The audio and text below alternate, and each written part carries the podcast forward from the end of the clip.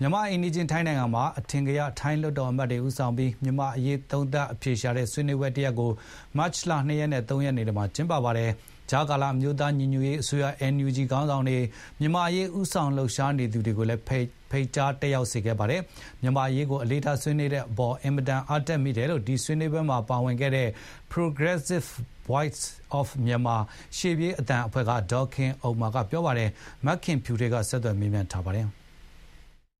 မြန်မာနိုင်ငံမှာ စစ်တပ်အာဏာသိမ်းထားတဲ့အချိန် မြန်မာ့အရေးကို နိုင်ငံတကာက ဝိုင်းဝန်းထောက်ပြ ပြောဆိုနေကြတဲ့အချိန်မှာပဲ အခုလို မြန်မာ့အိမ်နီးချင်း ထိုင်းနိုင်ငံမှာ အထင်ကရ လွှတ်တော်အမတ်တွေ ဦးဆောင်ပြီးဒီလိုမြန်မာ့အရေးကို အလေးထား ဆွေးနွေးတာက ဘယ်လောက်ထိ ထူးခြားတယ်လို့ ပြောလို့ရမလဲ။“အခု ဒီတခေါက်လုပ်တဲ့ဥစ္စာကျတော့ သူက မြန်မာ့နွေဦးတော်လှန်ရေးရဲ့သုံးနှစ်မြောက် အခြေအနေအပေါ်မှာ သူကအချိန်ကိုတွက်ပြီးတော့မှအဲ့ဒီအချိန်ကိုယူပြီးတော့မှသူကလုပ်တာလေနော်။ခေါင်းစဉ်မှာပေးပြီးတော့မှဒီသုံးနှစ်မြောက်အခြေအနေကိုပြောတာဖြစ်တယ်။အဓိကတော့မြန်မာနိုင်ငံရဲ့ငြိမ်းချမ်းရေး၊မြန်မာနိုင်ငံပြည်သူတွေရဲ့တော်လှန်ရေးမျှော်မှန်းချက်တွေနဲ့ပြည်သူတွေလူငယ်တွေရဲ့ကြိုးပမ်းချက်တွေနဲ့ အနာဂတ်ဖက်ဒရယ်ဒီမိုကရေစီမြန်မာနိုင်ငံအသစ်ကိုထူထောင်ဖို့သွားတဲ့အခါမှာအခုအားလုံးကကြိုးစားနေတဲ့စစ်အာဏာရှင်ကိုအမြစ်ဖြုတ်ရေး၊ဖယ်ရှားရေးဆိုတဲ့ဥစ္စာ။ဒါတွေကသူတို့လွှတ်တော်အနေနဲ့ကထိုင်းနိုင်ငံရဲ့အမျိုးသားလုံခြုံရေးကော်မတီကနေပြီးတော့မှဒီပွဲကိုစီစဉ်တာကိုနော် Host လုပ်တာလေနော်။ဆိုတော့ထူးခြားတယ်။ဘာကြောင့်လဲဆိုရင်သူတို့ကမြန်မာနိုင်ငံကစစ်အုပ်စုအကြမ်းဖက်လို့အကြမ်းဖက်ခံရလို့သူတို့နိုင်ငံထဲကိုထွက်ပြီးတော့မှရောက်ရှိလာတဲ့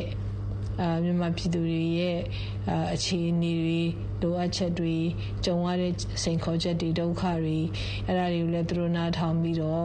အဲ့ဒီကနေပြီးတော့မှပြည့်စုံကုန်လုံးတဲ့သုံးသက်ချက်လွှမ်းခြုံမှုရှိတဲ့သုံးသက်ချက်တွေနဲ့အဖြေရှာခြင်းနဲ့ဆိုတဲ့ဟာမျိုးသူတို့အောက်လွှတ်တော်ရဲ့ ဒုဥက္ကဋ္ဌကလည်းပြောသွားတယ်ပြီးတော့အမျိုးသားကလုံဟိုလုံခြုံရေးကော်မတီရဲ့ဥက္ကဋ္ဌဆိုလဲပြောတယ်เนาะသူတို့ရဲ့အာစေတနာကိုကျမတို့မြင်ရတယ်အဓိကအထူးခြားဆုံးကိစ္စကတော့ကျမတို့ဒီနေဦးတော်လန်ရေးရဲ့နိုင်ငံရေးဦးဆောင်အဖွဲ့တွေကိုသူတို့ဒီအာတလီဟိုလေးလေးဆဆားနဲ့အတိအမှတ်ပြုပြီးတော့မှတရားဝင်အတိအမှတ်ပြုပြီးတော့မှဖိတ်ခေါ်တယ်အလေးထား ဦးစားပေးပြီးတော့မှအာဖိတ်ခေါ်ပြီးတော့မှပွဲကိုတက်ရောက်ဖို့အတွက်လုပ်တယ်ဆိုတာ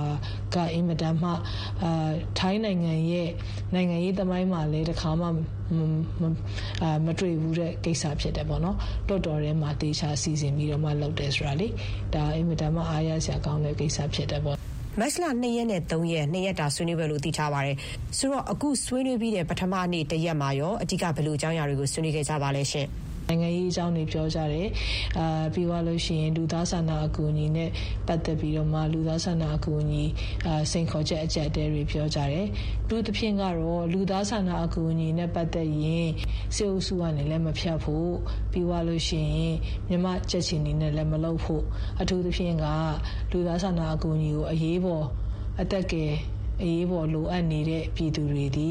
စေအုပ်စုကလေချောင်းနဲ့တိုက်လက်နက်ကြီးနဲ့ပြည့် ရွာမီးရှိုးတို့ထွက်ပြေးကြရတဲ့အာစေအုပ်စုရဲ့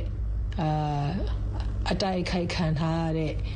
အာအတိုက်ခိုက်ခံရလို့အိုးအိမ်နေရဆုံးခွာထွက်ပြေးရတဲ့သူတွေဖြစ်တယ်လေနော်အဲ့တော့သူကအကြမ်းဖက်ထားတဲ့သူတွေကိုအကူအညီပေးဖို့သူစီရပဲဖြတ်ပြီးပေးတယ်ဆိုတဲ့ဥစ္စာဟာအာဒီ morally เนาะဒီဟိုတရားတရားအရာ morally အရာဘယ်လိုမှ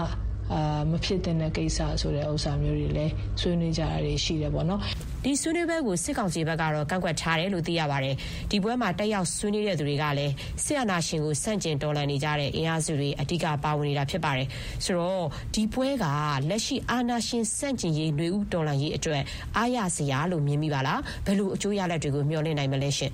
အရန်အားရစရာကောင်းတယ်လို့တော့မြင်ပါတယ်လေဘာလို့လဲဆိုတော့ကျမတို့ဒီအခုလက်ရှိထိုင်းနိုင်ငံရဲ့ အာနိုင်ငံရေးဥဆောင်မှုအပိုင်းကကျမတို့နိုင်ငံပြည်သူတွေဒေါ်လာရေးလုပ်ပြီးစူးစမ်းနေတဲ့ဆိုတဲ့ဥစ္စာအပေါ်မှာအတိအမှတ်ပြုတယ်နားလည်အောင်စူးစမ်းတယ်အဖြေဝိုင်းထုတ်ပေးဖို့စူးစမ်းတယ်ပံ့ပိုးဖို့စူးစမ်းတယ်ဆိုတဲ့ဥစ္စာအင်မတန်မှအားရစရာကောင်းတဲ့အချက်ဖြစ်တယ်ပေါ့နော်ဒါပေမဲ့ဒီလိုမျိုးဆွေးနွေးဖလှယ်မှုတွေအပြန်အလှန်အကြံနေပေးကြတာတွေအကြံပြုကြတာတွေအဲ့ဒါတွေရဲ့အခုဒီအဆင့်ပြီးရင်နောက်တစ်ဆင့်ကိုတော့ခုနကအမျိုးသား လုံခြုံရေးကော်မတီအနေနဲ့ဘယ်လိုမျိုးသူတို့ဆက်လုပ်သွားကြမယ်ဆိုတဲ့ဥစ္စာမျိုးကိုတော့ကျမတို့အာစောင့်ကြည့်ရအောင်ပါပေါ့နော်